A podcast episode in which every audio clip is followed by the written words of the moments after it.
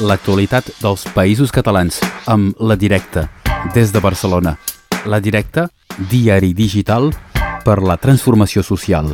A Ràdio Arels. Us presentem avui la directa, el format en paper, és el número 532 que ens presenta avui la Gemma Garcia. Bon dia. Bon dia. Doncs ens presentes el contingut. Començarem amb el tema de portada, és la fons. Ens parles de pagesia.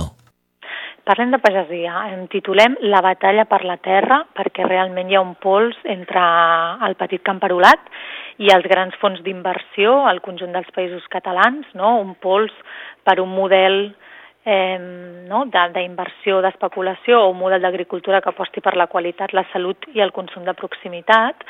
En aquest reportatge hi ha un taló de fons, que és la reforma en política agrària que es va aprovar aquest estiu al Parlament Europeu i que arran d'aquesta aprovació doncs, col·lectius i sindicats del món de l'agricultura denuncien que aquesta reforma accelerarà el procés de concentració de la producció i l'interès que hi existeix d'aquests grans fons de capital per, per l'agricultura. No?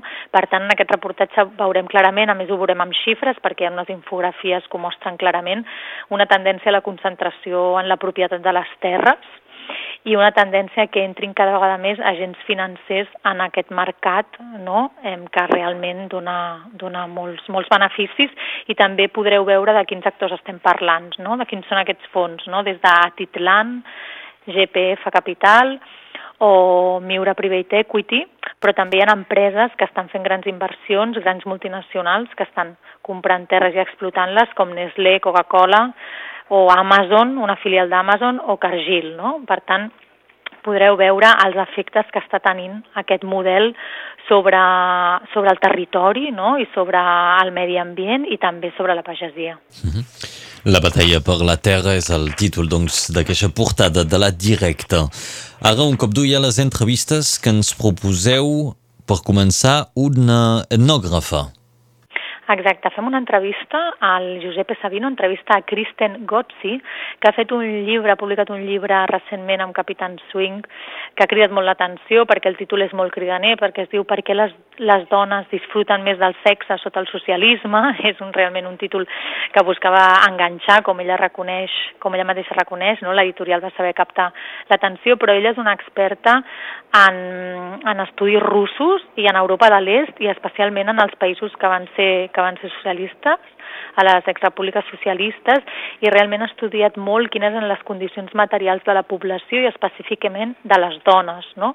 I com com les dones no, tenien, s'havia posat força el focus en, en la criança, per exemple, i l'Estat invertia en bugaderies, guarderies col·lectives, i això, no, diferents serveis d'aquest tipus, van permetre que les dones assolissin més llibertat econòmica. Per tant, veurem que fa un recorregut per diferents exemples en aquestes repúbliques socialistes i també una reflexió entorn de com mirem el passat i la importància de, de mirar-lo. Mm -hmm. Una altra entrevista també va de feminisme, però ara eh, des del Congo.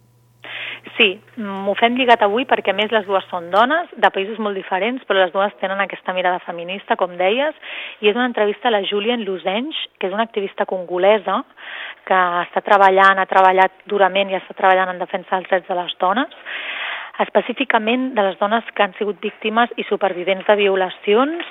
Ella va començar fent reportatges per una ràdio comunitària sobre aquest tema, després de, després de les violacions eh, que va deixar la invasió perpetrada al Congo l'any 1996 per les tropes ruandeses, però després va fundar l'associació Sofepedai, Sofepadi, perdó, que s'encarrega de diferents coses i també de gestionar l'Hospital Caribuni Guama, que ja té a més de 7.000 supervivents de violència masclista. És una altra de les entrevistes que ens proposa aquest nou número de la directa que ens segueix fent viatjar a la secció internacional. Anem ara al Sudan. Anem al Sudan perquè podreu trobar un reportatge que parla de les tensions que s'estan vivint entre els líders civils i els soldats i els militars, sobretot arran de la caiguda del règim islamista d'Omar al-Bashir a l'abril del 2019, després d'unes mobilitzacions socials molt intenses durant mesos. Des d'aleshores, des d'aquest abril de 2019, doncs hi ha una delicada situació de, de tensió i l'últim capítol que ho il·lustra és l'intent de cop d'estat el passat 21 de setembre d'un grup d'oficials i soldats i això encara ha disparat més la desconfiança entre, com deia, els líders civils i militars. Mm. Seguim amb l'actualitat eh, del, del, del món, diríem, eh? perquè també ens interesseu el, algun partit alemany, un partit polític. Doncs sí, hi ha una anàlisi que ha fet Roger Suso, que és una anàlisi sobre Die Linke, que és el partit postcomunista alemany. Com sabeu, recentment van haver eleccions a Alemanya, que podeu trobar una anàlisi dels resultats a la nostra pàgina web, i Die Linke va, realment va tenir un descens rellevant, pràcticament a la meitat en relació a les últimes eleccions dels seus resultats, i es va quedar um, frec, fregant, no? poder entrar en el, en el Parlament Federal alemany, per tant no hi ha entrat. I aquest eh, anàlisi explica quines són les raons per qual aquest partit Die Linke ha fet aquest, ha fet aquest descens i entre les raons es troba que una de les, de les líders del partit més conegudes doncs, té una, un posicionament anti-immigració no, que ha adoptat una retòrica que més aviat està propera a l'ultradreta, creient que d'aquesta manera es podia evitar la fuga de vot obrerista a l'extrema dreta alternativa per a Alemanya. I aquest és un dels factors, però també analitza, analitza alguns més d'aquesta derrota de, de l'esquerra radical alemanya. Aquesta és una part de la informació internacional que ens porta aquest número de la directa. Tornem ara, em sembla, cap al país, no?, amb una secció de cultura. Doncs a la secció d'expressions, que és cultura, podeu trobar un reportatge que es titula Autoedició contra la lògica del mercat, on podeu resseguir diferents iniciatives d'autoedició de publicacions que es guien per l'esperit autogestionari i que es queden al marge de les dinàmiques capitalistes i que sobretot tenen punts de trobada i en contra i de, de visibilització en diferents festivals arreu dels països catalans. I seguim nosaltres ara amb una bona recomanació perquè aquí hi ha diferents com dir, avantatges a fer-se soci de la cooperativa de la qual forma part eh, la directa. Veiem, torna'ns a explicar doncs, en què consisteix la cooperativa. Doncs això us volem recordar, perquè de tant en tant ho hem de recordar, que us animem a fer-vos socis i sòcies de la cooperativa.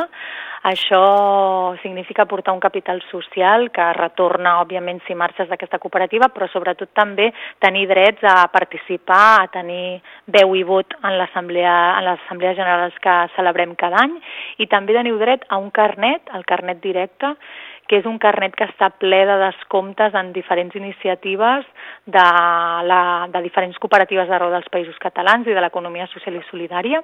I podreu gaudir des de propostes de turisme rural fins a propostes de salut, de cultura, eh, productes diversos, ecològics, vull dir que si entreu a la pàgina web cooperativa.directe.cat barra carnet guió directe podreu trobar totes aquestes propostes i podreu gaudir d'aquest carnet si fos socis de la directa. I aquest eh, número 532 ve acompanyat d'un suplement.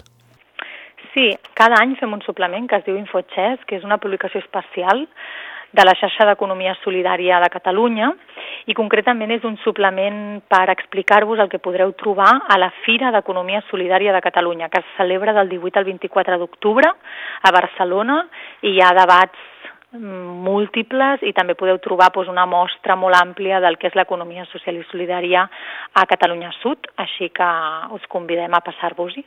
Molt bé, doncs la directa en abonament, també amb, amb venda aquí a la llibreria catalana de Perpinyà i la directa.cat per qui vulgui consultar contingut a través d'internet. Gemma Garcia, moltes gràcies un cop més per haver estat amb nosaltres. A vosaltres l'actualitat dels països catalans amb La Directa, des de Barcelona. La Directa, diari digital per la transformació social. A Ràdio Arels.